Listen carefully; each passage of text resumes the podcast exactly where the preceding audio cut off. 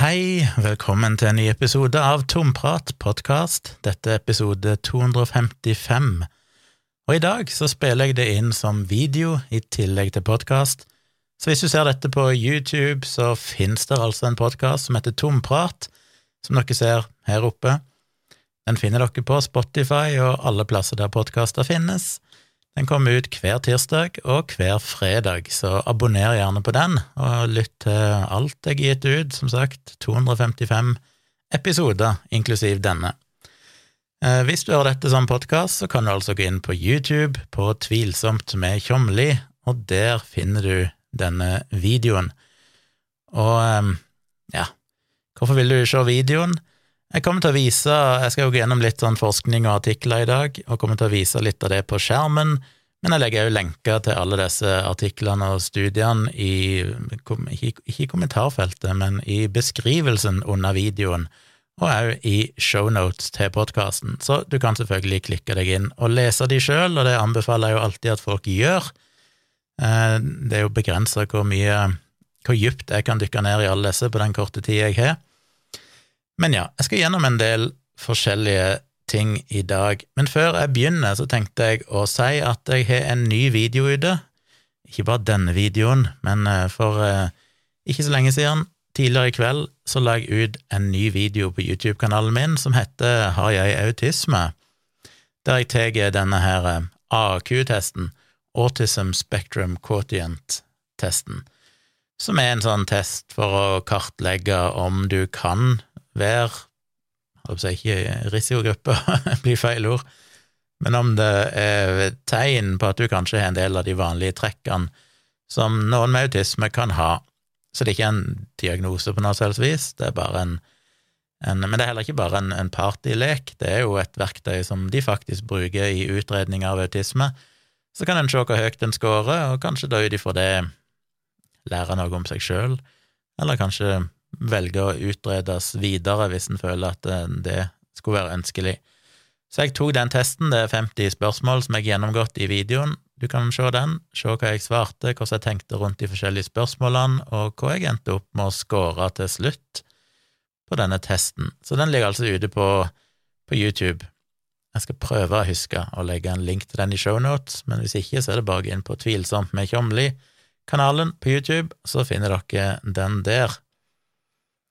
Jeg må jo, før jeg begynner, minne dere på at i morgen, i det øyeblikket jeg spiller inn dette, spiller inn eh, Ja, nå er vi faktisk passert midnatt, så det er teknisk sett i dag.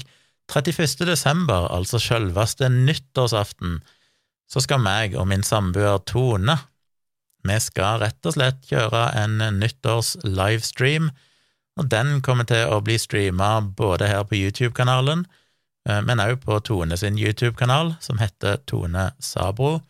I tillegg så går han live inne på Facebook og Twitter og litt sånn, men uh, anbefaler folk å se ham på, på, YouTube, det er aller best, da kan dere delta i livechatten der mye enklere og sånt. Så vi begynner klokka ti på nyttårsaften, så join dere gjerne, vi har lyst til at flest mulig skal være med, det er lov å delta i chatten, stille spørsmål, komme med innspill, alt mulig rart.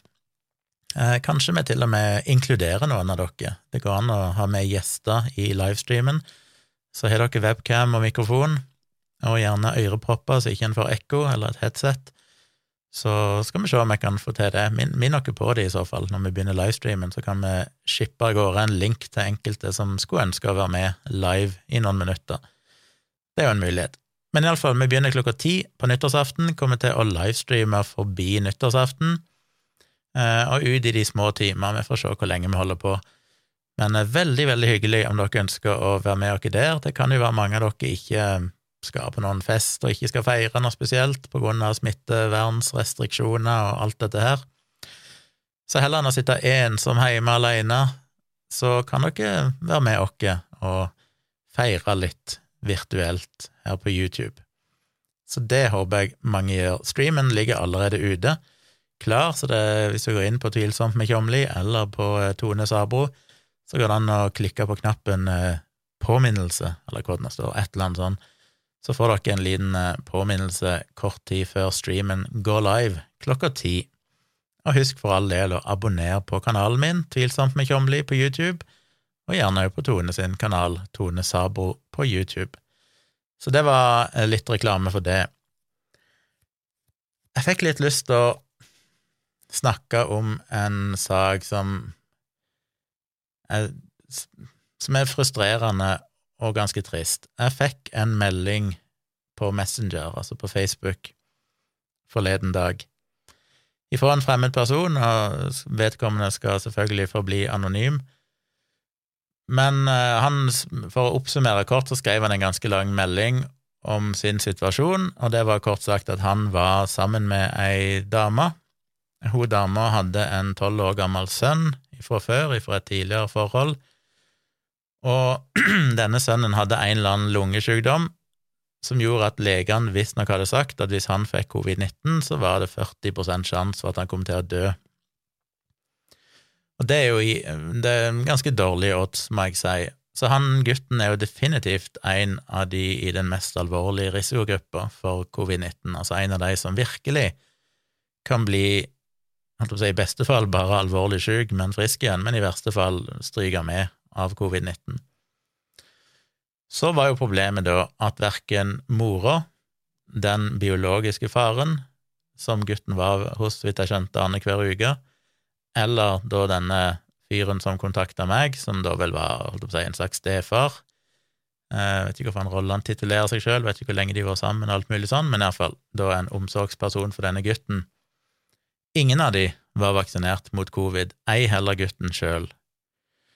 Hvorfor var det ikke det? Vel, den biologiske faren, han eh, var, mente at han hadde fått en negativ reaksjon på svineinfluensavaksinen tilbake i 2009, som hadde ført til noen helseplager. Og det hadde gjort han veldig skeptisk til vaksinen. det hadde òg gjort eh, mora skeptisk til vaksinen. Og denne personen som kontakta meg, var vel ikke i utgangspunktet supernegativ til vaksinen, han sa vel at han var litt sånn fifty-fifty, eh, men gutten sjøl nekta å ta vaksinen. Og når en tolv år gammel gutt nekter å ta vaksinen, så er det jo nærliggende å anta at det er fordi foreldrene har skremt gutten mm, ved å fortelle om at eh, faren hans ble skada av svineinfluensavaksinen, og fortalte om sin frykt rundt denne vaksinen da, mot covid-19. Denne personen som kontakta meg, altså guttens, eh, la ikke kalle han stefar, han var som sagt ikke sånn i utgangspunktet veldig mot vaksinen, men han mente han ikke trengte han, han hadde ikke tatt han, for han var relativt ung, yngre enn meg, eh, tidlig i 40-årene, hvis jeg husker riktig, var frisk og rask, og mente at hvis han fikk covid-19, så ville det i verste fall være som en kraftig influensa, men det, det tålte han, så han hadde egentlig ikke tenkt å ta vaksinen uansett. Og så kom spørsmålet på slutten av meldingen, som egentlig var oppsummert i et argument. og jeg tror ikke denne fyren visste noe særlig om hvem jeg var, eller hvor jeg sto hen, men han hadde blitt anbefalt av en kamerat om å ta kontakt med meg, og jeg vil vel anta da at denne kameraten var bekymra og håpte at jeg kunne overbevise han om å ta vaksinen. Det vet jeg ikke, men det antar jeg.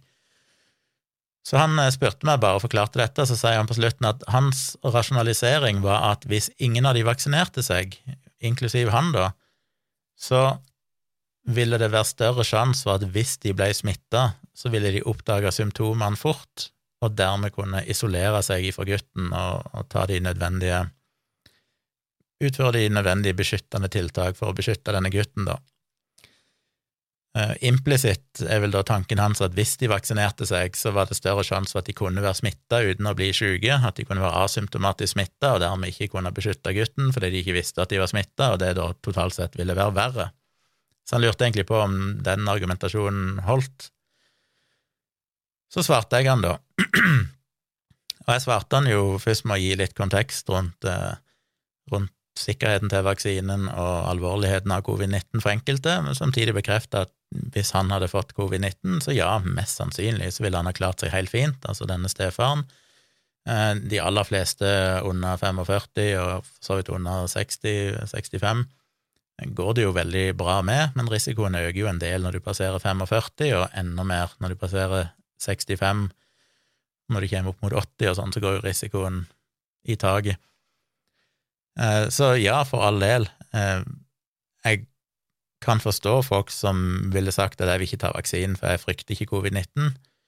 Fordi Nei, for de aller, aller fleste så går det jo veldig greit. Selvfølgelig så må man jo da ta inn over seg at selv om det går greit, så kan det jo bety at du fortsatt mister lukte- og smakssans i månedsvis. Jeg har jo sjøl bekjente som eh, har hatt covid-19, som òg da var relativt sett unge, veldig friske, spreke, inklusiv Wasim Sahid, som jo har snakka om dette sjøl på sin YouTube-kanal som fikk eh, covid-19, ikke ble spesielt syke, var mer som en forkjølelse, men mista lukte- og smakssans, og kanskje nå månedsvis etterpå, nesten et år etterpå, fortsatt ikke har fått den helt tilbake igjen. Det syns jeg jo er en ting som er greit å unngå, det er ikke farlig, men det er vel ikke noe noen nok egentlig ønsker. Det er kjipt, og det er klart det er sånne ting. En er risikoen for, eh, for betennelse i hjertemuskel og hjertepose, Igjen en veldig sjelden bivirkning, som da primært rammer yngre folk enn det denne stefaren var. Eh, og uansett, det er mye høyere hvis du får covid-19. Igjen er jo da en, en, relativt ufarlig, teknisk sett en alvorlig bivirkning for all del, men der det viser seg at det har gått veldig bra, det har vært milde symptomer og, relativt enkel behandling Eh, selv om det kan føre til at folk som får dette, må kanskje ta det med ro i noen måneder og sånn, og ikke trene hardt og litt sånn. Så det er klart det, er innvirkninger, men det er ikke en permanent eh, livstruende skade.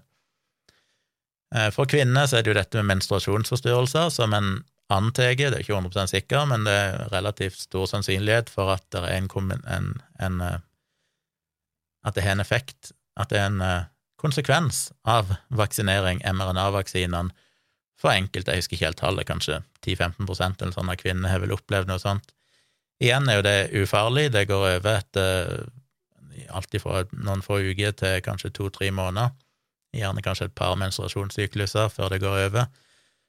Au, plagsomt, det kan være veldig smertefullt for de som sliter med mye smerte under menstruasjonen.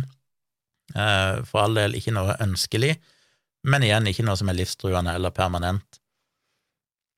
Så det er klart, ja, det er en risiko for bivirkninger, men igjen så er risikoen for bivirkninger av å få covid-19 vesentlig høyere og mer alvorlig. Så jeg, jeg prøvde å forklare litt av de tingene til han, i tillegg til at vi regner med at rundt mer enn 18 millioner mennesker har dødd eh, globalt av denne sykdommen, så det er klart, det går stort sett bra, men det er jo alt ifra babyer og barn til ungdommer og sånn, som ellers har vært friske, i USA er det mange tilfeller på barn som ikke har noen underliggende sykdommer, sorry, helt eh, friske, som er døyd av covid-19. Det er veldig sjeldent, men det er en mulighet. Så det er klart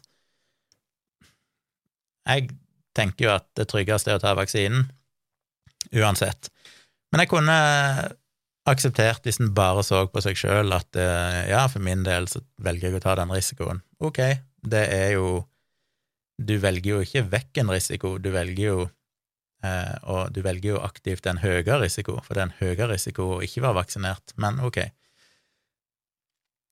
Problemet er jo det at vi tar jo ikke vaksinen bare for vår egen del, vi tar den jo for samfunnet sin del, vi tar den for å beskytte de som er utsatt rundt dere, for å bryte smittekjedene, for å redusere smitten i befolkningen, for å verne om helsevesenet som jo til og med nå, med smitteverntiltak og en befolkning som i all hovedsak er fullvaksinert, har ganske høyt trykk, og der så godt som alle som er innlagt med alvorlig sykdom, nå er uvaksinerte. En kan jo bare tenke seg situasjonen, jeg tror folk dveler litt for lite ved det, situasjonen hvis vi ikke hadde hatt en vaksinert befolkning, hvis ikke vi hadde hatt noen smitteverntiltak. Bare tenk dere at helsevesenet er under press nå, der over 90% er vaksinerte, og vi har tiltak som sosial distansering og munnbind og, og alt mulig sånn, skjenkestopp Når vi vet at vaksinen er såpass effektiv som den er, eh, så kan en jo bare tenke seg resultatet hvis vi ikke hadde Altså det hadde vært total kollaps av samfunnet, mer eller mindre. Viktige tjenester, kritiske tjenester hadde stoppet opp fordi folk hadde ikke vært på jobb. Helsevesenet hadde ikke hatt sjanse å ta unna alle som kom. Så ja, det hadde vært helt katastrofe. Men vi glemmer jo litt det, for vi er jo ofte blinde for vaksinenes effekt, nettopp fordi vaksinene er så gode at de gjør at vi ikke trenger å tenke på det. Vi glemmer liksom, vi tenker at ja, det er ikke så nøye med vaksine, det går jo ganske greit, bare se, verden fungerer jo. Og så glemmer vi at ja, men det er jo fordi de fleste er vaksinert. Det går faktisk an å tenke seg en verden der vi ikke i stor grad var fullvaksinert, det er bare å gange opp tallene med kanskje minst en faktor på ti, så kan en jo tenke seg hvordan da situasjonen hadde vært. Eh, ganger alle, alle sykemeldinger, alle sykefravær med ti, ganger eh, trykket på helsevesenet med ti, eh, ganger dødsfall med ti, videre. Ikke noe særlig trivelig. Så jeg prøvde å sette alt det inn i kontekst for han, og sa at i den situasjonen de var, der de er omsorgspersoner for en gutt som er 40% sjanse for å dø, og ifølge mange fagpersoner så er det jo, og dette har jeg òg sagt helt siden eh, tidlig i 2021, de aller fleste av oss, kanskje alle, kommer til å bli smitta på et eller annet tidspunkt, spesielt med omikron-varianten, som er såpass mye mer smittsom eh, og unngår vaksinene i mye større grad. Sjøl fullvaksinerte vil nok på et eller annet tidspunkt bli smitta, med stor sannsynlighet. Så du kan nesten regne det som ikke jeg kan ta denne risikoen fordi jeg tror det er en liten sjanse for å bli smitta, til å si du kommer til å bli smitta. Du må regne risikoen ut ifra det bildet av at du nesten garantert i løpet av de neste månedene eller året kommer til å bli smitta på et eller annet tidspunkt. Og hvilke noen konsekvenser har det for denne sønnen din, da, som har 40 sjanse for å dø hvis du smitter han igjen? Så for meg ble det jo litt sånn, hvordan svarer du på et sånt spørsmål? Jeg prøver å være diplomatisk, jeg prøver å være sympatisk, Samtidig får jeg lyst å riste av vedkommende og si at dette her er omsorgssvikt. Um, dette, er, dette er en barnevernssak i mine øyne.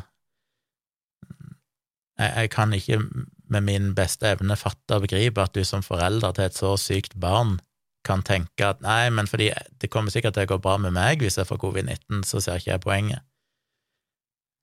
Og til og med om du måtte tro på de verste scenarioene med bivirkninger, jeg mener, jeg har ei datter Hvis hun hadde hatt 40 sjanse for å dø hvis hun fikk covid-19, så hadde jeg tatt vaksinen selv om det var 10 sjanse for at jeg fikk blodpropp og døde av den. Altså, det, det, den ideen om at nei, men det, det, er en liten mikroskopisk risiko for at jeg kan få en forbigående bivirkning, derfor så vil jeg ikke beskytte livet til min sønn, er jo for meg en ganske ufattelig tanke. Så jeg, klarer ikke å sette meg inn i det, så jeg må liksom prøve å være diplomatisk og svare og gi korrekt informasjon, og samtidig så avslutter jeg vel med å si at jeg nesten trygla de om å ta denne vaksinen. Iallfall han. Det virker som at mora og den biologiske faren ikke kommer til å ta vaksinen uansett, og ikke gutten sjøl. Dermed er det jo begrensa effekt eh, om denne far, stefaren tar vaksinen, men det er noe bedre enn ingenting. Og det er jo han som stiller spørsmålet om seg sjøl, så jeg får svare på vegne av han.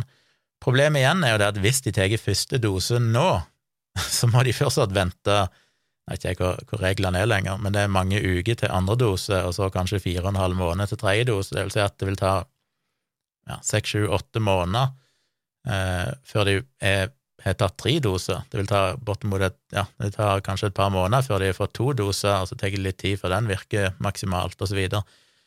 Og da er vi jo nettopp midt oppe i en bølge som kommer til å komme og eksplodere i januar av omikron-varianten, mest sannsynlig. Så det er liksom litt sånn seint, men det er iallfall bedre seint enn aldri, holdt jeg på å si. Så fikk han et svar fra han der han var litt sånn ja, han syntes jeg hadde gode argumenter, han skjønte det og sånn, men han leste òg mellom linjene at jeg var veldig for vaksinen, og da ble han litt skeptisk, og det er sånn så svarte jeg han og sa ja, jeg er for vaksinen, jeg skal ikke legge skjul på det, men jeg er jo òg for å ha brannslukkingsapparat i hjemmet og ha røykvarsler og bruke hjelm når du kjører motorsykkel, ha bilbelte i bilen. Dette er ting som Det er ikke noen bias å være for vaksinen, noe mer enn at det er en bias å være for sikkerhetssele i bilen. Eh, det er bare harde data og, og enkel logikk tilsier at dette er det fornuftige valget. Så ja, jeg har en bias, men uh, og så prøvde jeg å forklare han at jeg skjønner det at han ikke ser risikoen, han er jo helt rett i det, at for han så er sikkert ikke risikoen stor, men at dette da handler om å beskytte de svakeste blant dere, og det gjelder jo til og med for en som meg, som ikke er noen veldig utsatte rundt meg, eh, som jeg er i nær daglig kontakt med, eller som jeg må treffe. Men når du har en sønn som du er med annenhver uke i samme hus, som, som er såpass alvorlig syk, så er jo han definitivt en av de som nettopp bør vaksinere seg av den grunnen, av den altruistiske grunnen, altså ikke bare beskytte seg sjøl, men å beskytte andre gjennom en slags flokkimmunitet. Og så er det vanskelig å vite hvor langt en skal gå. Jeg vil ikke skremme vekk fyren, men samtidig så er jo dette blodig alvor.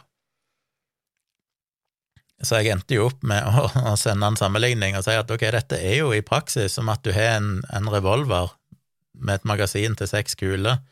Du putter i to kuler i magasinet, snurrer det rundt, fyrer av mot sønnen din. En 40 sjanse for at du kommer til å drepe sønnen din. Uh, ja, det ble ikke helt riktig matematikk. Jo, det gjør det. Jo. uh, uansett. Uh, men hvis du tar vaksinen, og hvis de òg tar vaksinen, så er det som å ta alle patronene ut av magasinet og fyre av. Det er nesten sikkert at ingenting galt kommer til å skje. Og det er jo realiteten, gitt at de med mest sannsynlig kommer til å bli smitta, alle mann. Det vil si, i et scenario der de er tross alt tre omsorgspersoner der som har mer eller mindre daglig kontakt med denne gutten. Sjansen for at minst én av de blir smitta i løpet av det neste halve året, er veldig høy, grense mot 100% og da vil de smitte gutten. Og jeg forklarte den jo, det glemte jeg å si, jeg forklarte den jo i den første meldinga, dette her med at problemet med den strategien de valgte, er jo det at du gjerne da er smitteførende i tre-fire dager før du merker symptomer, enten du er vaksinert eller ikke. Så hvis de skal vente til de oppdager symptomene, så er det jo for seint, hvis det da tilfeldigvis iallfall er en av de ukene der de har gutten hos seg. Um, så ja, logikken henger ikke på greip. Så jeg har ikke fått noe svar på den siste meldinga jeg sendte han. Men uh, jeg, eh, jeg, jeg roste han jo for at han Jeg syntes det var tøft av han å ta kontakt og stille spørsmål og sånn, og sa at hvis han hadde noen som helst spørsmål, så måtte han jo bare skrive, så skulle jeg svare så godt jeg kunne og sånn, prøve å strekke ut ei hånd, men samtidig påpeke hvor alvorlig dette er. Og så er det en del av meg da som som sagt tenker at dette her er omsorgssvikt. Hvordan kan, hvordan kan det være lovlig? Burde noen gripe inn? Jeg vet ikke hva en skal gjøre i en sånn situasjon, men uh, Ja, altså, det er jo utrolig mange andre situasjoner hvis du som foreldre utsetter et barn for en kontinuerlig pågående trusselsituasjon der det er 40% sjanse for at barnet ditt vil dø, så tror jeg du hadde blitt fratatt omsorgsretten. Det er liksom så alvorlig men av en eller annen grunn så, så, skjer ikke det her. Eller hadde det skjedd hvis noen hadde meldt det? Jeg vet ikke. Jeg vet ikke hva han gjør i en sånn situasjon, men en har iallfall prøvd å, å bistå denne stefaren så godt jeg kunne, så får han jo bare håpe og be at han kommer til å vaksinere seg. Det, det frustrerende er jo selvfølgelig at disse foreldrene, da, i tillegg til at de utsetter barnet for risikoen ved å ikke vaksinere seg sjøl eller gutten, er jo at de òg åpenbart har indoktrinert gutten bevisst eller ubevisst, til å frykte vaksinen. Det er jo ikke noen grunn til at en tolv år gammel gutt skulle være livredd for denne vaksinen hvis ikke han hadde hørt det fra foreldrene sine. Eh, og det sa han jo òg i den første meldingen, at det var jo fordi at faren mente han hadde blitt vaksineskada, at gutten hadde blitt så skeptisk. Så og la meg legge til at jeg er jo veldig sterkt tvilende til at disse, de helseskadene som han beskrev, eh, som denne biologiske faren hadde fått etter influensavaksinen i 2009, tviler jeg veldig på i en annen sammenheng. Jeg har aldri lest om at noen har rapportert en sånn bivirkning, og det, gir ikke noen mening at en sånn bivirkning skulle oppstå. Skal ikke si detaljene om hva det er, for jeg vil ikke identifisere noen eh, med for mye detaljer, men, men det, det, for meg er det klassiske eksempelet på at postdoc ergo propter hoc, altså det er noen som har begynt å slite med et eller annet, og så gir de skylda til vaksinen, for at det er det vi søker mønster, vi søker årsakssammenhenger. Jeg kan ikke tenke meg at det er en reell sammenheng. Men irrelevant av det, ok, hvis han mener det, så skjønner jeg at han er redd. Men så er jo dette da en helt annen vaksine, og disse bivirkningene Ja, en har jo god oversikt over hvilke bivirkninger som finnes, og hyppigheten av dem, så Men så er det jo det det at sjøl med det bakteppet hvis jeg hadde en sønn som hadde 40 sjanse for å dø hvis han ble smitta, så hadde jeg uansett tatt vaksinen. Altså det, for meg er det så gjennomført egoistisk å bruke sin egen frykt for dette, selv om han mener han er blitt skada. Jeg hadde tatt imot mye mer skade hvis jeg kunne ha redda livet til, til, barnet mitt. Så ja, jeg ville bare dele den historien, for jeg syns det er så deprimerende og trist og frustrerende, og en vet ikke hva en skal gjøre. Så får jeg bare håpe at jeg svarte noenlunde riktig. at det er et lite håp for at denne stefaren vaksinerer seg sjøl, i det minste, og kanskje klarer å overbevise de andre om å vaksinere seg. Vi får se. Jeg hører kanskje aldri noe mer fra de, så jeg får vel kanskje aldri vite hvordan det gikk, men, eh, men sånn er nå det. Eh, jeg skal snakke om noen studier for å skifte tema. Den første er rett og slett eh, litt presseoppslag omkring bruk av ketamin mot depresjon og suicidalitet. Vi har jo denne artikkelen på NRK, eller p3.no. Benedicte planla sin egen død, men ketamin reddet livet hennes. Jeg har alltid vært skeptisk til vanlige psykologer og antidepressiver, sier hun. Først og fremst er jo det en forferdelig tragisk sak igjen. En blir jo så frustrert. Dette er jenter som har opplevd mobbing eh, og vært suicidal, fått store psykiske plager av det. Og jeg blir så forbanna av ideen om mobbing, barn som mobber, og de enormt tragiske konsekvensene, hvordan det ødelegger så mange liv, hvordan det gjør at folk Jeg hater å bruke det uttrykket, egentlig ødelegge liv, jeg vil ikke legge skjebnen, definere skjebnen til noen, men, men eh, at det reelt sett har gjort det forferdelig vanskelig for mange resten av livet, eller i lang tid framover fordi det er så ødeleggende for selvbildet og, og, tillit og alt. Så forferdelig historie og all eh, sympati til Benedicte.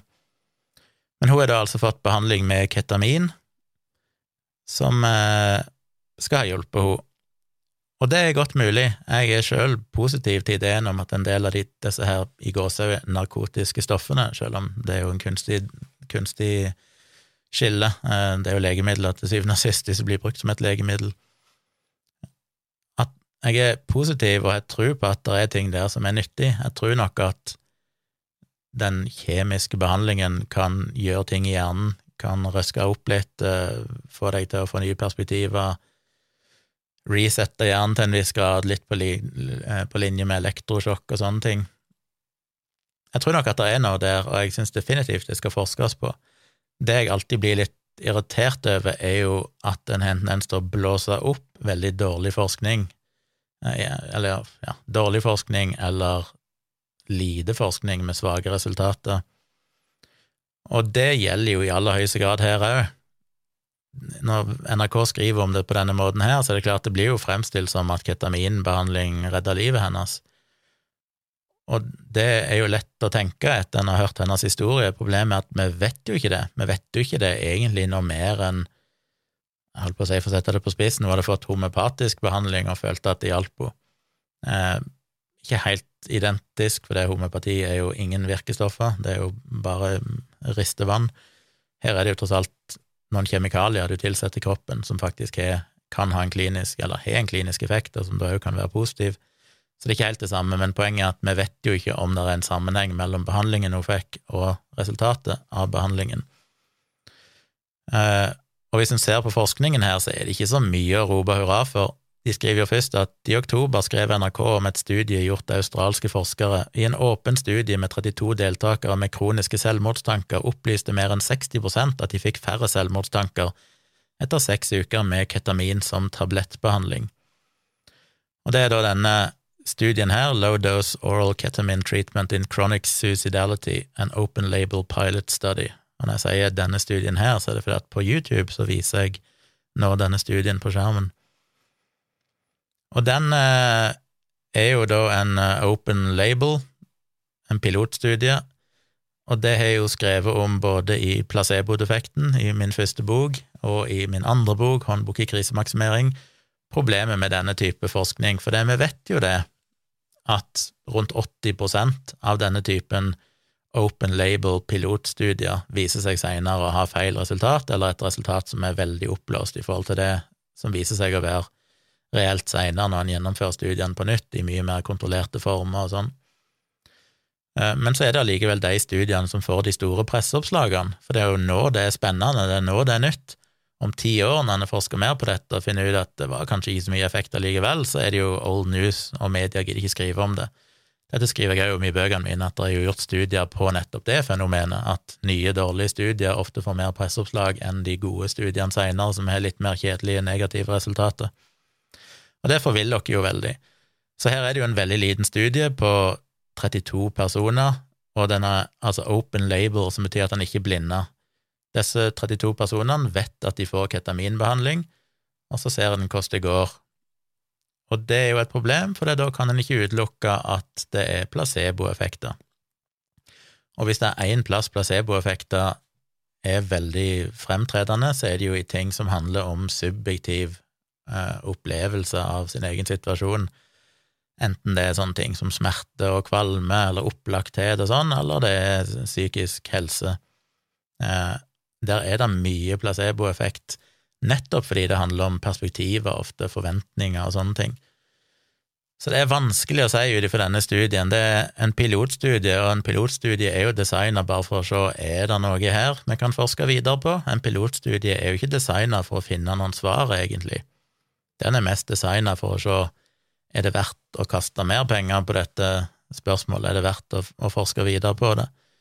Og sånn sett er det lovende, ikke sant, de finner positive resultater.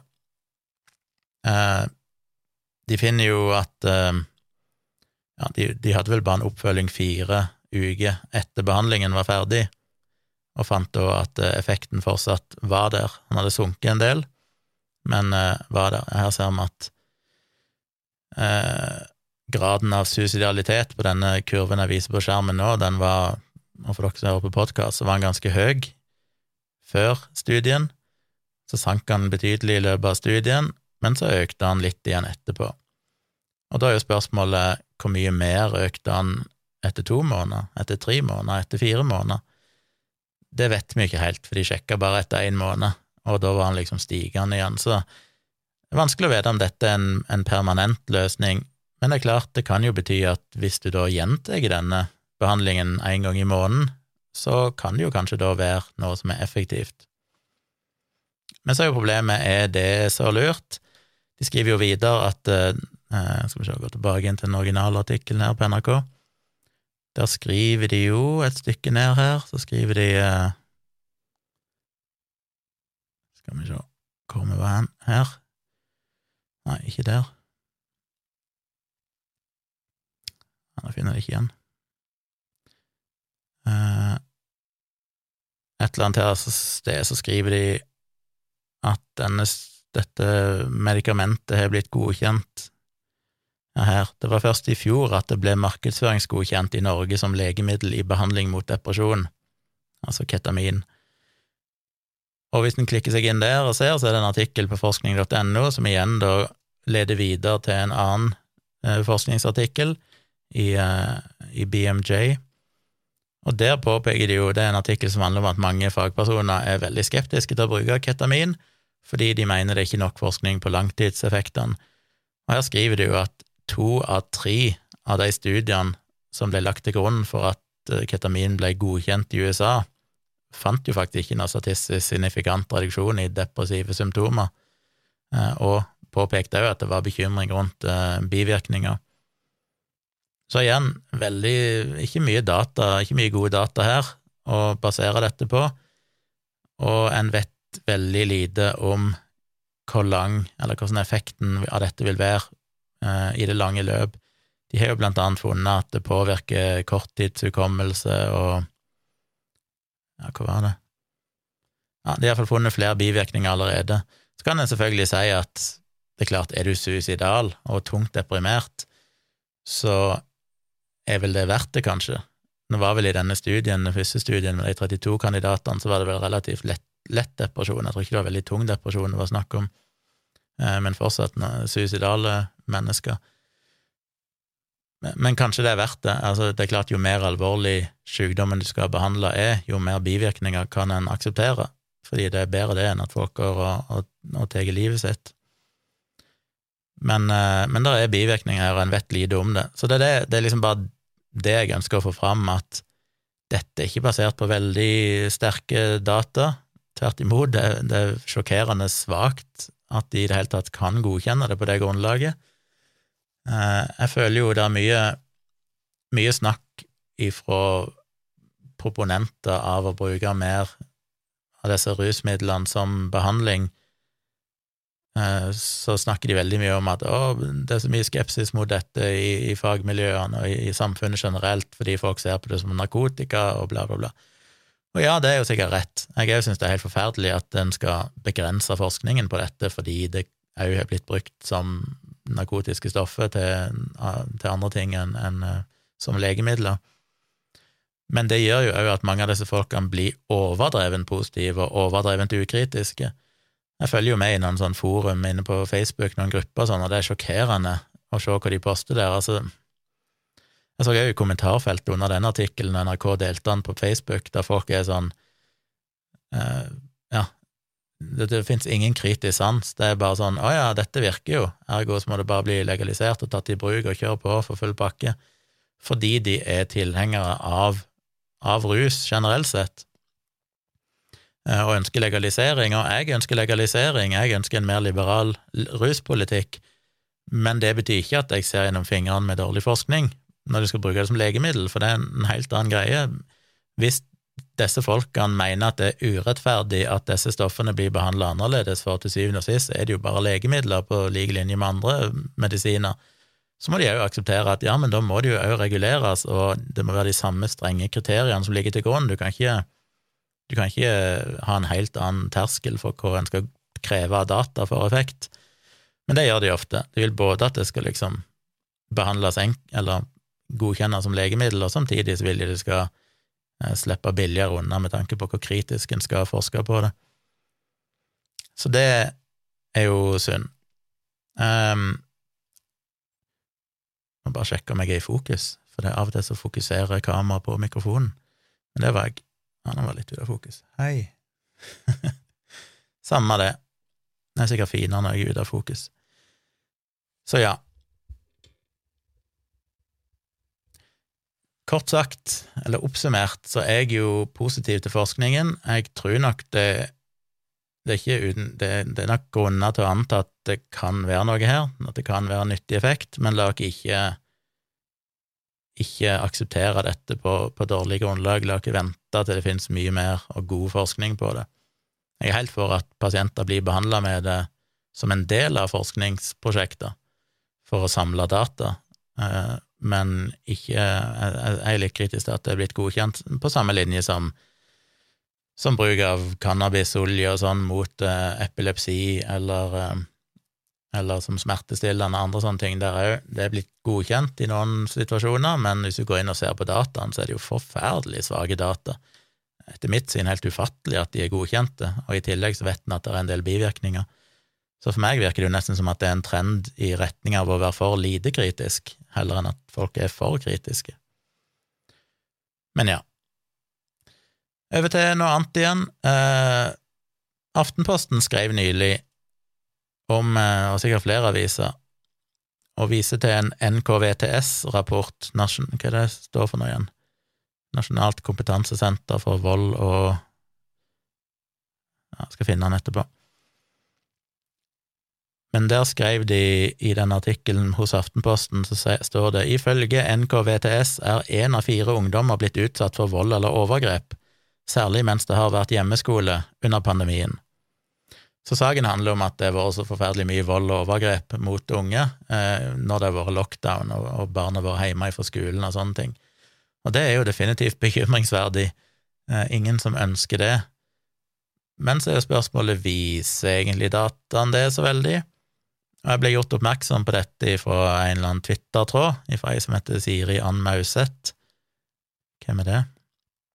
Hun er lege og klinisk farmakolog, ph.d. epidemiologi, master i innovasjon og endringsledelse, men tvitrer som privatperson. Hun eh, viser da til Skal jeg åpne den lenka, skal vi se Eh, Nasjonalt kunnskapssenter om vold og traumatisk stress står NKVTS for. Så det er altså én av fire barn. Men når du går inn og leser denne rapporten, så finner en jo et, ser en jo et litt annet bilde. Hun oppsummerer jo noen der hun skriver at når en snakker om vold, så er det jo primært psykisk vold. Og for all del, psykisk vold er, kan være akkurat like alvorlig som fysisk vold, men det som ble sagt her, eller eksempler på psykisk vold, var jo for eksempel at noen hadde sagt at uh, denne personen var dum, eller at de, det var noe ikke de fikk til, eller at de har gjort narr av deg på en sårende måte. Og igjen, jeg mener ikke at det er uproblematisk, men det er nok kanskje greit å prøve å nyansere litt, og skille mellom at noen har sagt at du er dum, eller sagt at 'å, du er dum som ikke får til dette', eh, kanskje en av foreldrene eller sånn, fordi de må gjøre hjemmeskole, eh, er jo ikke nødvendigvis å likestille med at foreldrene har vært fysisk voldelige akkurat i den sammenhengen. Um, ja. Og det var et lite tall her. Det står videre at eh, de aller fleste som hadde volds- eller overgrepserfaringer under skolenedstengningen, hadde opplevd det hjemme, og de aller fleste hadde også opplevd det før skolenedstengingen. Og så er det jo positive ting, da, som at ungdommer generelt sett har hatt færre kroppslige plager og færre søvnproblemer under nedstengningen sammenlignet med året før. Så det var på en måte positive ting. Og i disse dataene, da, som var rundt 3500 barn som ble intervjua, eller som svarte på sånn online spørreskjema, så var det totalt elleve barn som hadde blitt utsatt for alvorlig fysisk vold flere ganger, altså 0,3 av de spurte. Så sånn sett er det jo små tall, men hvis en dykker enda mer ned i denne rapporten og faktisk leser rapporten i seg sjøl, så er det jo en del interessante ting å merke seg. De skriver jo først en del her om etikken bak det, og hvordan ungene ble informert på et språk de kunne forstå sjøl, om, om, hva dette egentlig handler om, og hvordan spørsmålene var utforma, hvordan spørreundersøkelsen var utforma, alt dette her. Og så sammenligner de òg med en uh, UEVO, som jeg er litt usikker på hva står for, men en, en, tidligere studie som ble gjennomført på rundt tre ganger så mange elever, litt over 10 000, i 2019, altså før pandemien. Så de har et slags sammenligningsgrunnlag for å se om pandemi og nedstengning faktisk har økt risikoen for disse tingene. Uh, og det en finner Nå skal jeg bare bla meg ned her. Her står litt definisjoner av de forskjellige spørsmålene, hva de egentlig betyr og sånne ting. Så ser vi på eh, de faktiske resultatene.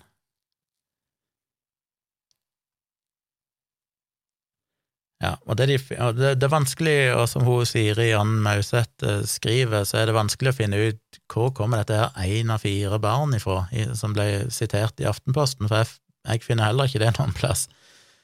Um, Uansett hvordan du vrir venner på disse tallene, så klarer jeg ikke å få det til å bli 25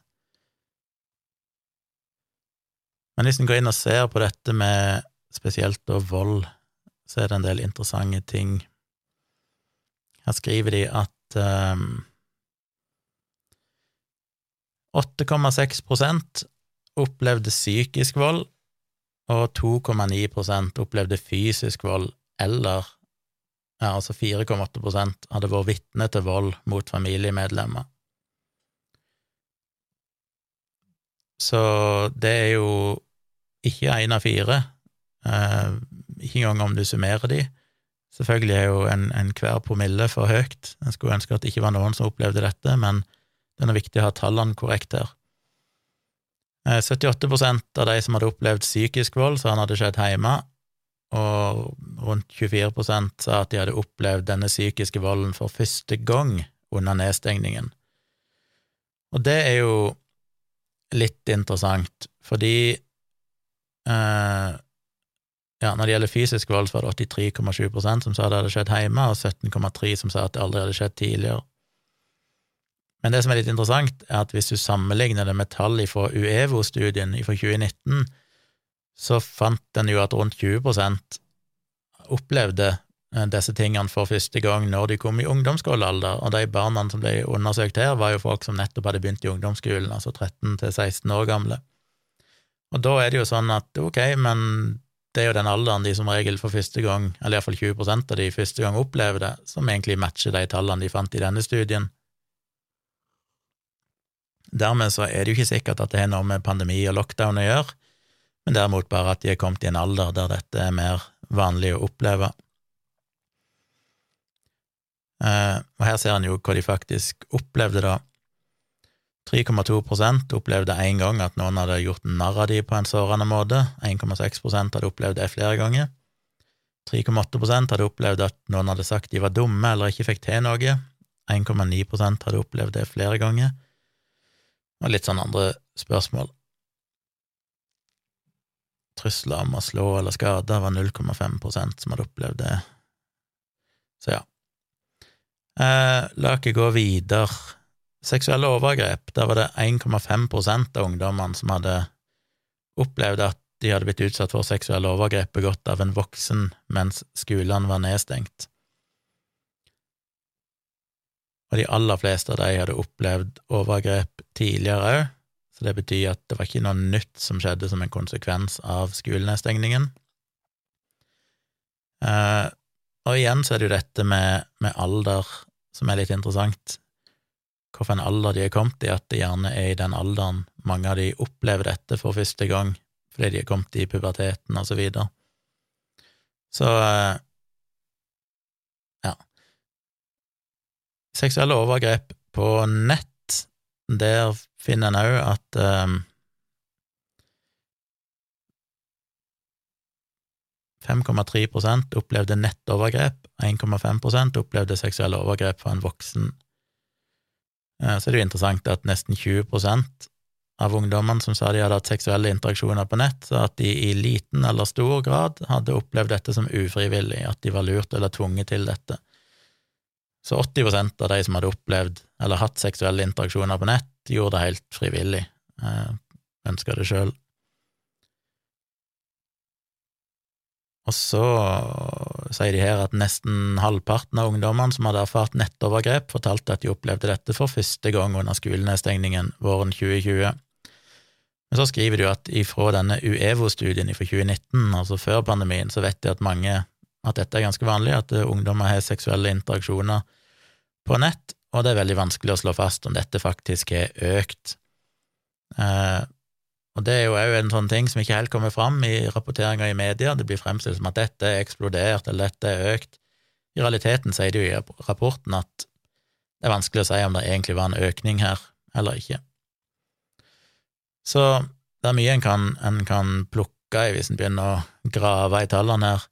Alt i alt så sier de jo at uh, det er jo de vanlige risikofaktorene.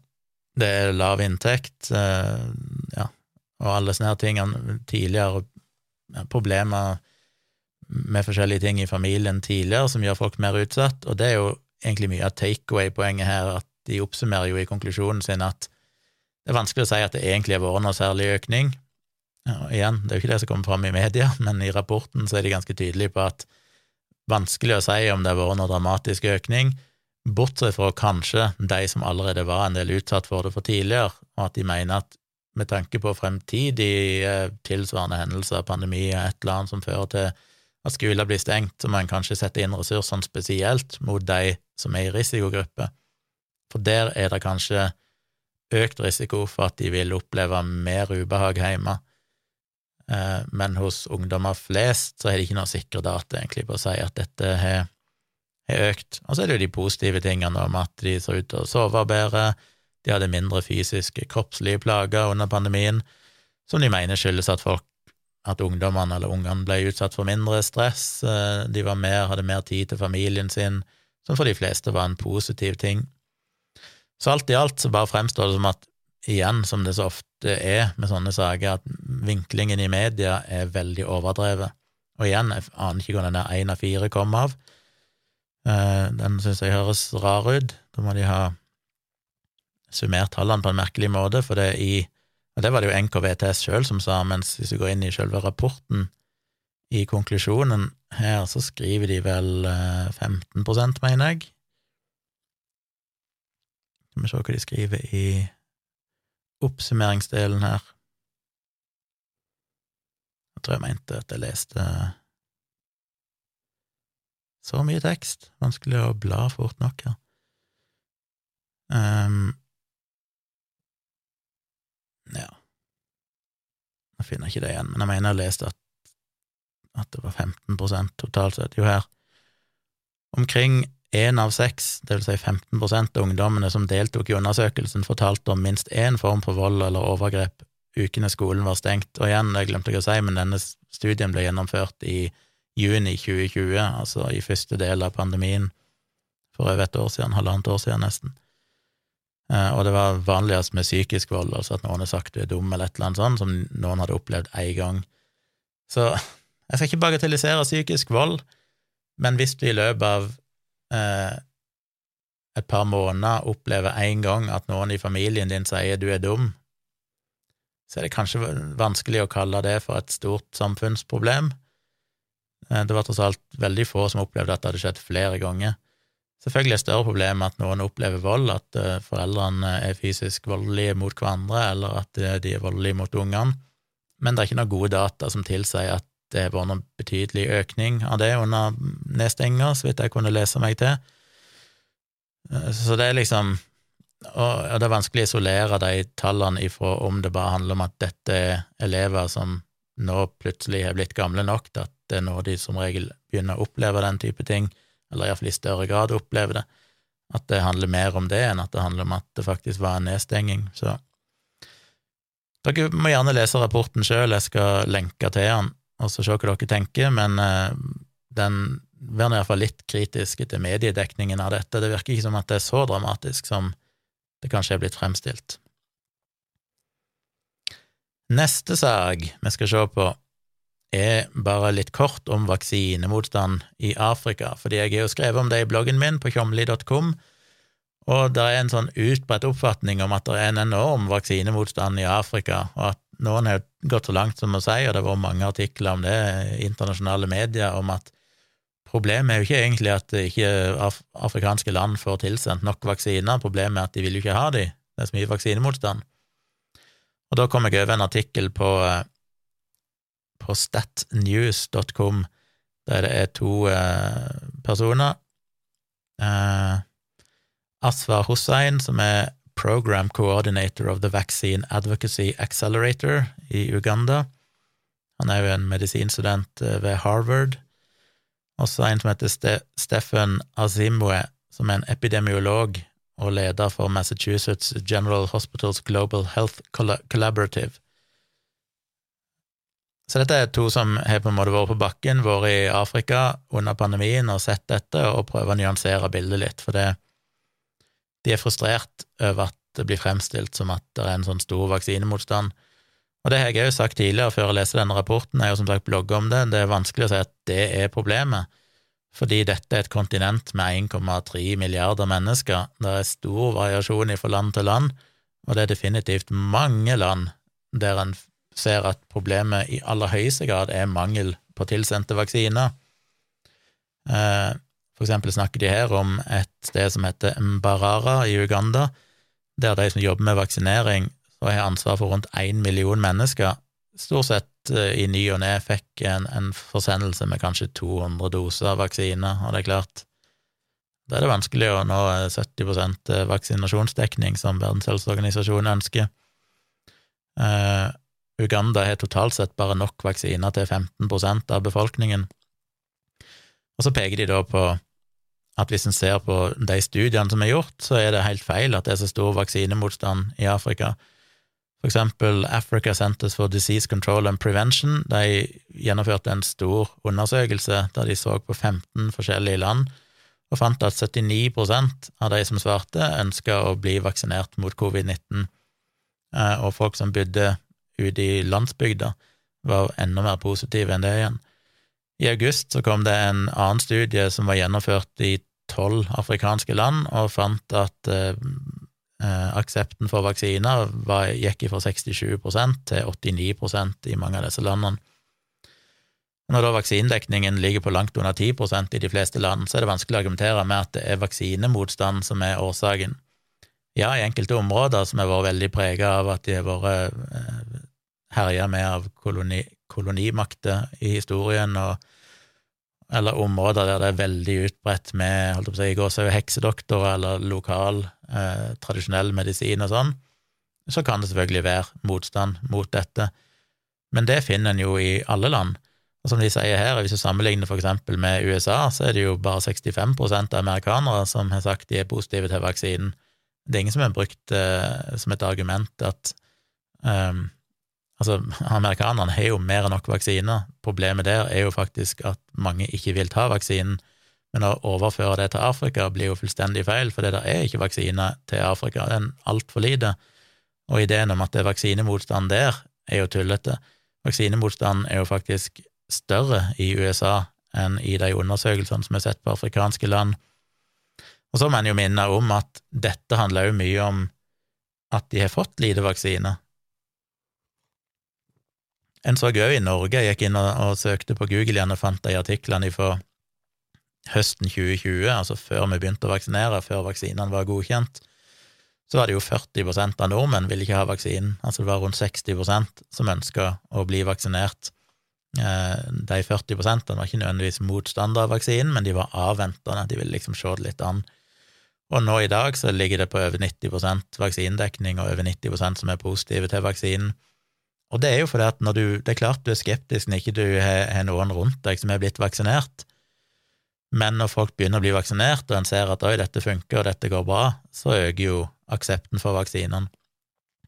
Så det er jo en sånn veldig nedlatende holdning å anta at å glemme at vi i Norge hadde 40% som ikke egentlig var så positive til vaksinen for et år siden, men som nå har økt til 90% og glemme at det er jo det som er situasjonen i Afrika i dag. De har jo heller stort sett ikke fått vaksiner, og da er det ikke så, og allikevel så er de mer positive til vaksiner der enn, de, enn det vi var i Norge.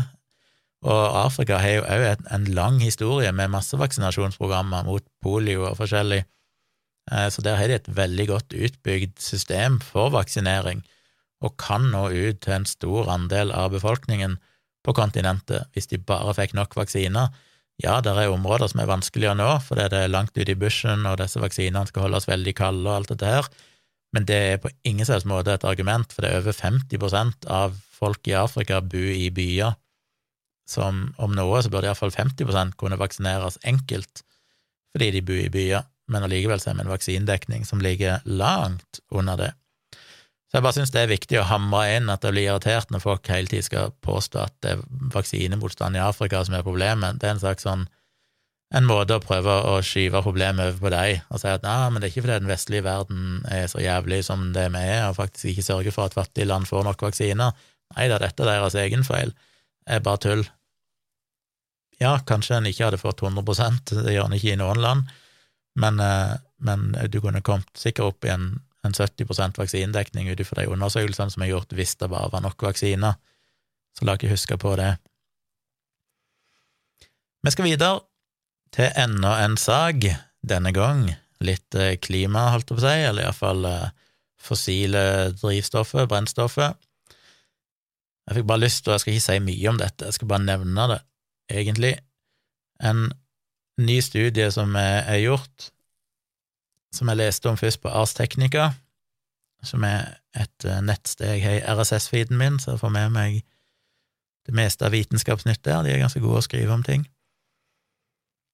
Og der er det en ny studie som har funnet at globalt sett så er det mer enn én million mennesker hvert år oi, som dør som konsekvens av at vi brenner fossile brennstoffer, da.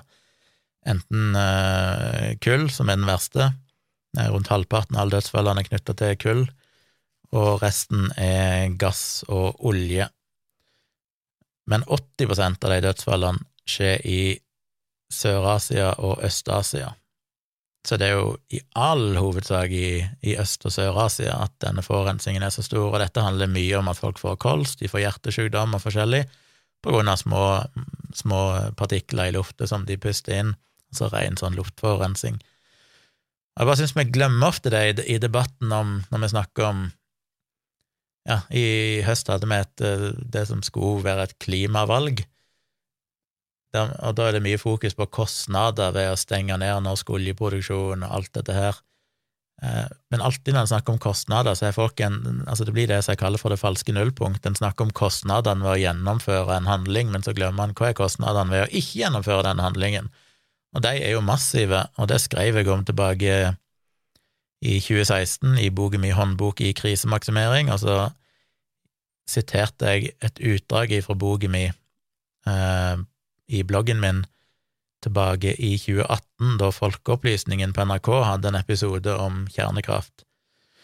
Og da følte jeg for å skrive den, for det, jeg skal ikke gå inn i alt det med kjernekraft og sånn, det er en, en helt en stor debatt, men jeg viste jo der til noen studier, blant annet at en studie publisert i 2013 fant at hvis alt av fossilt brensel var blitt erstatta av kjernekraft, så ville en i perioden 1971 til 2009 ha spart 1,8 menneskeliv, 1,8 millioner menneskeliv globalt. I Europa alene ville en ha spart 670 000 menneskeliv.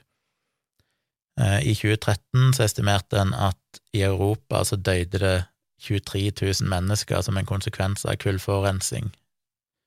Det er kun kull, altså. 23 000 mennesker i løpet av ett år som døy som en konsekvens av den forurensninga. Og eh, disse tallene spriker litt fra studie til studie, men det setter jo litt sånn ja, det, gir et lite bilde av hvor høye disse tallene er.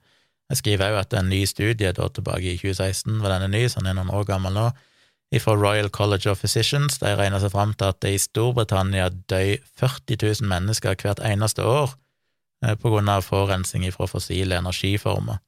Da snakker en altså både om olje, gass eh, og kull, og at det koster de 20 milliarder britiske pund årlig, altså da basically 200 millioner, nei, 200 milliarder kroner hvert år. Så det er litt greit, og det er liksom bare ett land, det er kun Storbritannia. Det aller meste av forurensninga der kommer fra bil og kraftverk. Eh, en amerikansk studie som var noen år gammel nå, den fant at forurensning koster USA 131 milliarder dollar hvert år i samfunnsmessige utgifter, primært helserelaterte kostnader. Og det aller meste av den forurensningen kommer da ifra kraftproduksjon. Eh, og hvis du da regner med alle dødsfall som er knytta til klimaendringer i kjølvannet av økte CO2-utslipp og da tilhørende global oppvarming, så er det en analyse som har regna ut at det koster rundt fem millioner dødsfall årlig, og at det da er mer enn de samla dødsfall fra alle kriger, alle drap og alle trafikkulykker globalt hvert eneste år. Så det er liksom En kan sikkert diskutere akkurat størrelsen på disse tallene, men at det er store tall, er det vanskelig å, å se vekk ifra. Så én ting er jo dette med kjernekraft, da, at en gjerne 'Å ja, men har det døde noen tusen mennesker i Tsjernobyl', og så glemmer en at ok, men nå døde det jo faktisk kanskje en million mennesker årlig mm, ut ifra fossile energiformer. Kunne vi erstatta dem med kjernekraft, så hadde vi uansett redusert eh, dødeligheten betydelig, selv med de verste katastrofer, omtrent, som er mulig i dag. Eh, hvis en da i tillegg tar med konsekvensene av global oppvarming, så er det snakk om altså fem millioner menneskeliv årlig så det er vanskelig å se at vi har den motstanden mot kjernekraft, men uavhengig av det, så er det iallfall vanskelig å se at ikke vi ser at det å fase ut fossile energiformer eh, vil kanskje spare oss for enorme summer, for den snakker bare om kostnadene ved det. Så glemmer en at ja, men hvis du ser på de helserelaterte utgiftene som energi, fossile energiformer eh, drar med seg, så er de enorme tall, milliarder på milliarder av dollar hvert eneste år. Så jeg, jeg, følte det var interessant å bare minne dere på det igjen, for det er sånn, en greie som jeg føler ofte kommer altfor lite fram i de debattene, det er de faktiske kostnadene knytta til helse på grunn av energi, fossile energiformer. Eh, så til slutt, vi nærmer oss slutten, hvor lenge har jeg holdt på? Litt over en time, fint det er rett og slett knytta til et tema som jeg syns er interessant og ønsker å lære mer om, og det er en, eh, en ny studie som er kommet, som en kan lese om i Time Magazine, som har en artikkel som heter Gender Affirming Hormone Therapy for LGBTQ Youth Can Help Save Lives, Study Finds. Og Der viser de til en studie som har undersøkt 34 000 LGBTQ-ungdommer i alderen 13 til 24 år i USA, vel å merke, i perioden oktober til desember 2020. 12 000 av disse identifiserte seg som eh, eh, transkjønna eller ikke-binære, og det de fant nå, så var det å, å motta kjønnsbekreftende hormonbehandling assosiert med nesten 40 lavere risiko for at de hadde gjennomført et selvmordsforsøk eh, foregående år. I den Time-artikkelen, den er veldig kort, det står ikke så mye, men hvis en går til den faktiske studien, så kan en lese mer. En hadde ikke åpna den, skal vi se. Der var den. Og der kan vi lese at uh, selvfølgelig, som med alle sånne studier, så er tallene her mer komplekse hvis en begynner å grave i det. For det en òg finner ja, Hvis en først tar resultatene her eh, Risikoen for å ha en nylig depresjon, de var ja, de var ca. 27% lavere hos de som hadde fått kjønnsbekreftende hormonbehandling de som hadde seriøst vurdert selvmord, var 26% lavere hos de som hadde mottatt kjønnsbekreftende hormonbehandling, hvis vi så på alle fra 13 til 24 år. Hvis en så på bare de under 18 år, så var effekten større. Der fant en at risikoen for en, en nylig depresjon den var omtrent 40% lavere, og samme med, med risikoen for at de hadde prøvd å ta livet sitt i løpet av det siste året, var rundt 40% lavere hos de som hadde fått en fått kjønnsbekreftende hormonbehandling. Men så er det jo selvfølgelig vanskelig med sånne data, for det er jo det samme som med alternativ behandling og ketaminbehandling og alt mulig sånn, det er hva er det som er spesifikke behandlingseffekter her, og hva er det som er uspesifikke behandlingseffekter, altså hva er det som i alt det som skjer rundt, i oppfølging, oppmerksomhet, eh, empati, samtale, det å bli sett og forstått, hvor mye av det er det som egentlig påvirker dette, og det en fant her, blant annet, var jo at det var Hva det sto? At det var 80 var det ikke det? Eller 80 Jeg tror jeg, jeg finner ikke tallet i farten, men jeg tror det var 80 større sjanse for at Jo, 94 eh, av de i alderen 13 til 17 år som hadde mottatt kjønnsbekreftende hormonbehandling, hadde støtte fra foreldrene sine, i motsetning til 80% i totalen. Så det betyr jo at de som har mottatt kjønnsbekreftende hormonbehandling, har jo i mye større grad eh, støtte og forståelse fra foreldrene sine. Og det er klart, det å ha støtte og forståelse fra foreldrene vil jo sannsynligvis føre til mindre grad av depresjon og mindre risiko for selvmordsforsøk. Så da er jo spørsmålet er det at de faktisk fikk kjønnsbekreftende hormonbehandling som var avgjørende her, eller var det det den variabelen med at de hadde foreldre som støtta at de fikk kjønnsbekreftende hormonbehandling og hjalp de med å få det. Og Det er mye en kan grave seg ned i dataen her med å de analyserer hvor lett det er å få tak på, for det varierer mye i forhold til hvor de bor i USA og sånn, og og hvilke effekter det har. Men de mener at hvis du sammenligner med andre studier og ser på tidsaspektene her og sånn, så mener de at du kan slå fast ganske sikkert at det er faktisk den kjønnsbekreftende hormonbehandlingen som i stor grad har disse positive effektene. Så det kan en jo ta med seg, for det er jo mye debatt om dette. Og her ser det jo ut til at eh, det definitivt eh, reduserer risikoen for selvmord og depresjon, og det er jo bra, for all del. Og så er det jo irriterende å se hvor mange som er liksom av disse folkene som herjer i vei ute på Twitter og sosiale medier og medier som skal være motstandere av dette, som da peker på at eh, eh transpersoner ofte sliter veldig med psykisk sykdom videre, depresjon, suicidalitet og sånn, og dermed mener de at det betyr at det å være å føle seg født i feil kropp egentlig er en psykisk sykdom som bør behandles.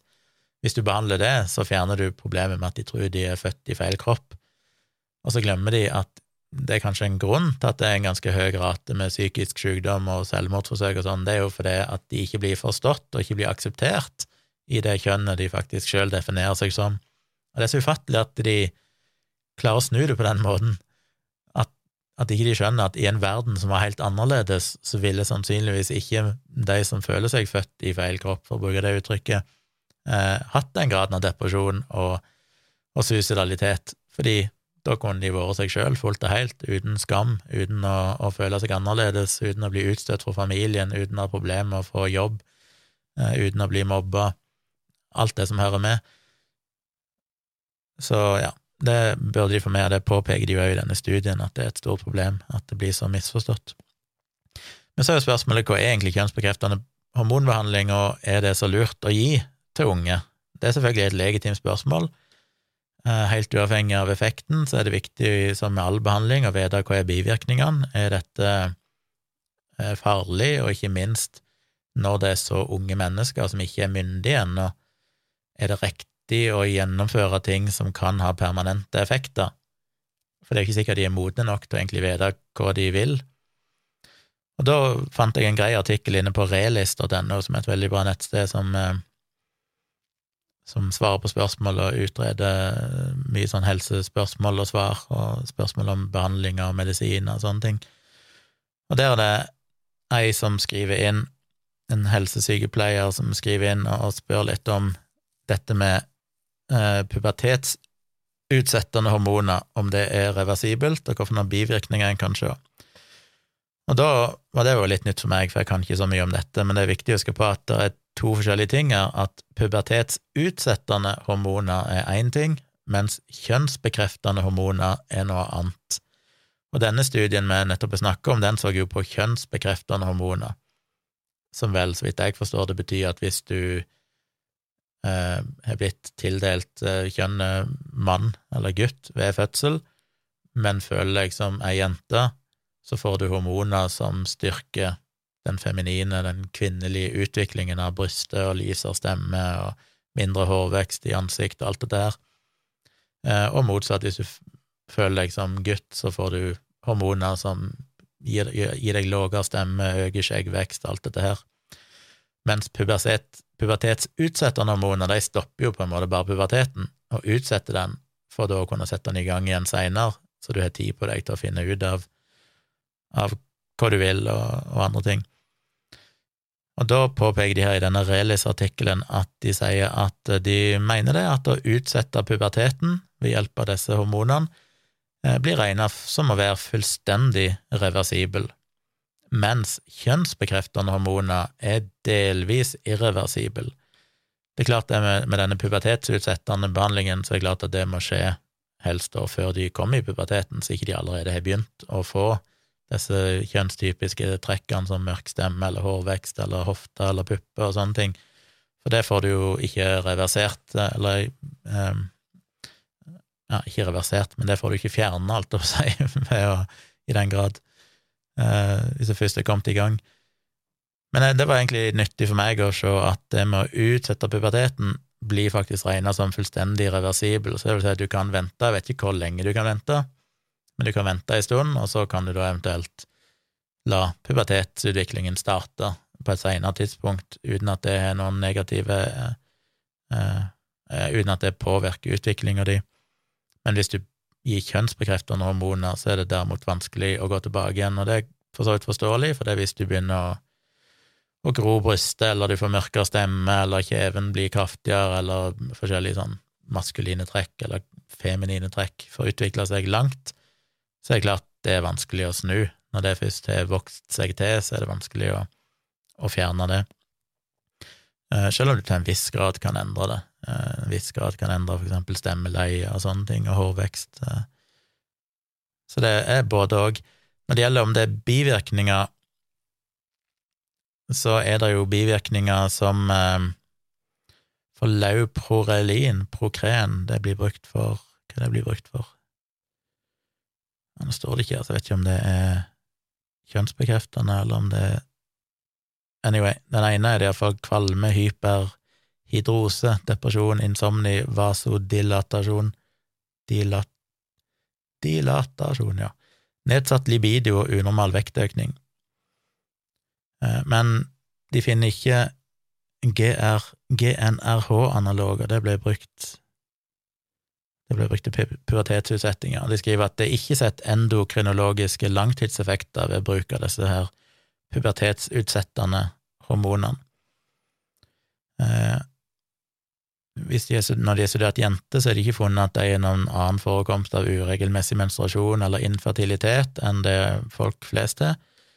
Og hos gutter så er testikkelfunksjonen helt normal etter at du har avslutta behandlingen, altså etter du er ferdig med den utsettelsen av puberteten. Eh, de har funnet noe nedgang i beintetthet i den perioden du får disse hormonene, men det blir normalt normalisert etter at du slutter, og maksimal beinmasse blir ikke påvirka totalt sett. Eh, så er det andre ting som er litt mer usikre. Men generelt sett så finner de ikke, som de skriver i, i oppsummeringen her, så sier de at det er ikke sikre holdepunkter for at behandling gir uheldige langtidseffekter for barn og ungdom, men det kan forekomme bivirkninger mens pubertetsblokaden pågår. Så det å utsette puberteten altså ser ut både til å være fullstendig reversibel, og de fikk ikke noen gode holdepunkter for å si at det gir uheldige langtidseffekter, så det var greit for meg å få med meg, og sikkert nyttig for dere andre. Når det gjelder kjønnsbekreftende hormoner, derimot, så er det som sagt delvis irreversibel, og så er jeg litt usikker på bivirkningene der, men det er vel kanskje ikke spesielle bivirkninger der heller. Så ja, nå glemte jeg å vise skjermen til dere, men jeg skal vise den fort for de som er nysgjerrige. Det er altså Relis sin nettside, som tar for seg eh, disse spørsmålene og har et kort og greit og enkelt forståelig svar. Så relis.no er ofte et, en god kilde til den type spørsmål. Det tror jeg var episoden min i dag. Takk for at du så på, og takk for at du lytta på. Eh, denne videoen blir jo liggende ute på eh, YouTuben min, på Tvilsomt med Tjomli, og du finner podkasten både på Spotify og i alle podkast-apper. Bare søk etter Tomprat. Har du spørsmål eller feedback, så kan du sende det til tompratpodkast at gmail.com, og tompratpodkast, podkast, skrives med C i ett ord, tompratpodkast at gmail.com. Send meg gjerne feedback, eh, spørsmål eh, hvis jeg har sagt noe feil eller upresist. Eh, korriger meg, så jeg kan rette det opp i neste episode. Jeg legger linker til de artiklene og studiene og sånn, både i beskrivelsen under videoen her og i shownotes til podkasten. Husk å abonnere på YouTube-kanalen min, der kommer det flere videoer. Jeg har jo en ny ute tidligere i dag. Og du må gjerne kommentere i, i kommentarfeltet under videoen her òg, og gi feedback eller komme med spørsmål og sånn. Men ja, hvis det er viktige ting som jeg skal ta opp i senere episoder, send det gjerne på mail, så ikke jeg eh, går glipp av det. Eh, gi gjerne videoen en like òg, og del den gjerne med andre hvis dere har lyst til det, og det ligger mange videoer på kanalen min, så ta gjerne en kikk på alt det andre som ligger ute. Og jeg livestreamer jo her hver tirsdag kveld og hver fredag kveld, og som sagt, det blir en spesial livestream nå i kveld, da, fredag 31. desember 2021, med en nyttårsfeiring, virtuell nyttårsfeiring, sammen med meg og Tone, ifra klokka ti og ut i de små timer. Så jeg håper dere blir med på det. Det var alt. Takk for meg. Jeg er tilbake igjen neste år, både med livestreams, nye videoer og nye podkastepisoder. Vi ses om et år,